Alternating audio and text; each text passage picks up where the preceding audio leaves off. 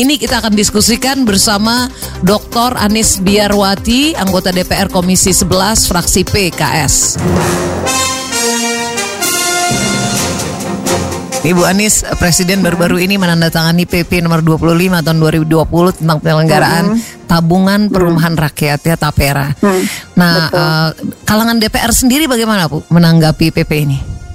Iya memang ini uh, eh, PP nomor 25 tahun 2020 tentang penyelenggaraan tabungan perumahan rakyat atau Tapera ini terus terang saja kami uh, sangat terkejut begitu ya. Hmm. Di tengah pandemi corona kehadiran Tapera ini uh, pasti akan menjadi beban baru untuk rakyat.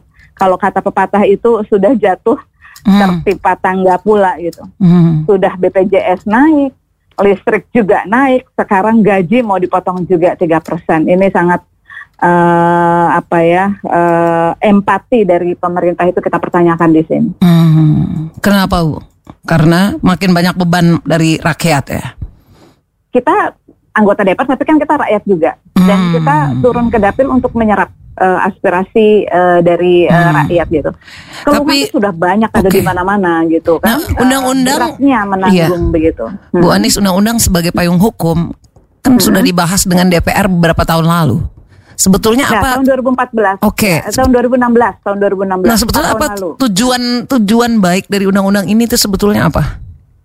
Nah itu yang kita pertanyakan gitu. Itu kan uh, sudah uh, ada uh, undang-undang di tahun 2016, hmm. artinya empat uh, tahun lalu begitu kan. Hmm.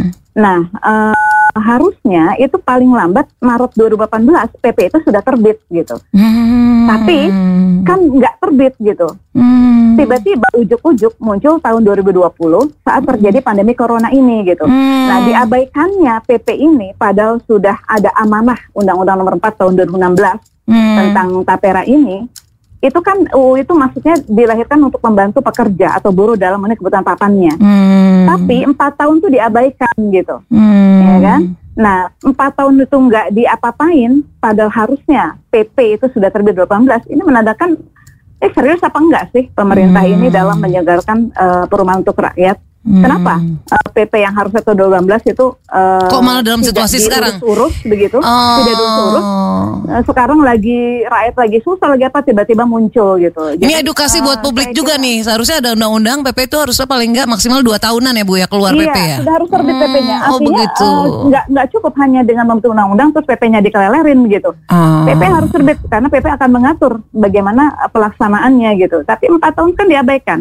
Tiba-tiba hmm. setelah uh, kita mengalami keterpurukan seperti ini dari segala sektor, tiba-tiba muncul uh, PP ini jelas uh, artinya PP ini muncul tidak dalam situasi dan kondisi yang yang tepat begitu. Hmm, ya ya ya. Tapi kalau kita menelaah plus minusnya program Tapera ini sebetulnya seberapa urgent program ini bagi rakyat, Bu?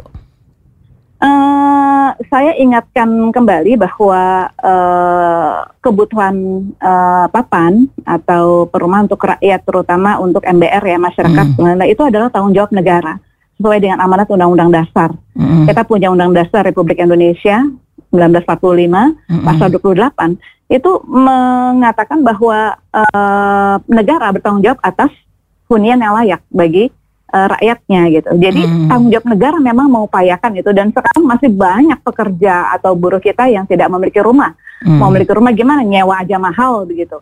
Dan ini negara harus berpikir gitu.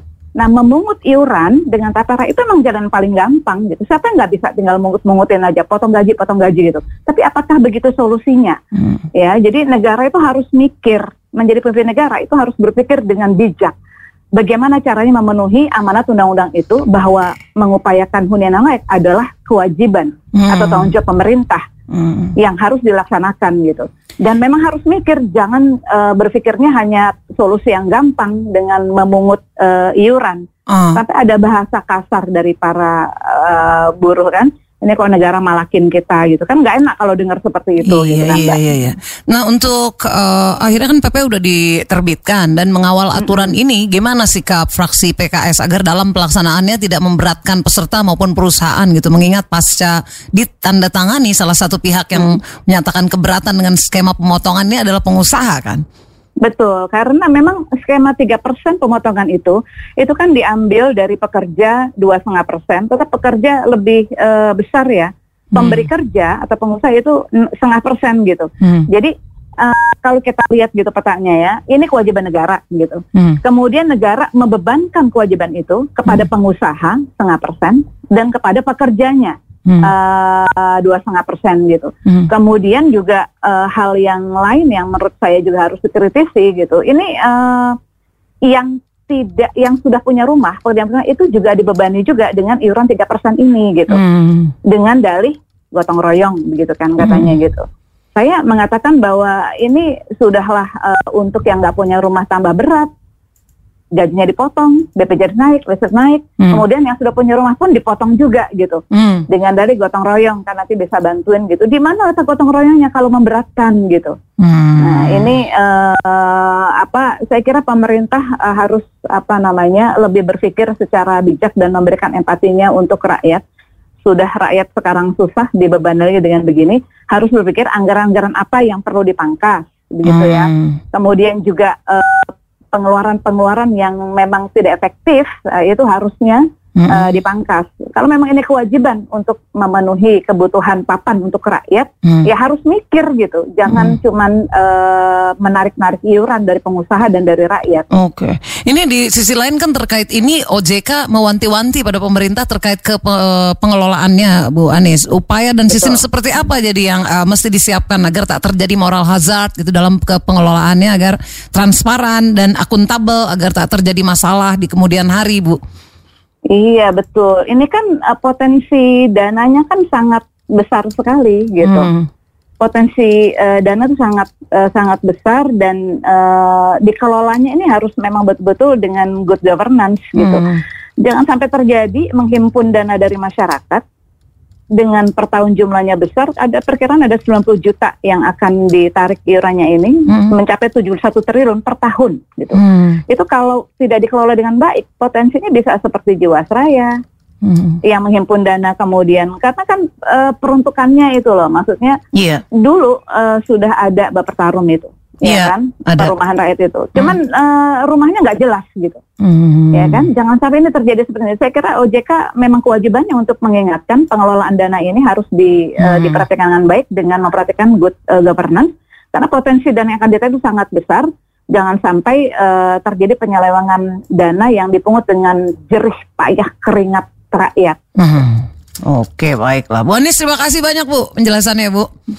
Bu, makasih banyak. Mudah-mudahan uh, kita diberikan kemudahan Allah untuk menjalani ujian ini Amin. dan mudah-mudahan pemerintah kita ini memiliki satu kebijakan yang pro dan berpihak dan menyadari tanggung jawabnya kepada rakyat karena mereka akan ditanya di hadapan Allah nanti di hari akhir. Baiklah, amin. Makasih banyak Bu Anis sekali lagi.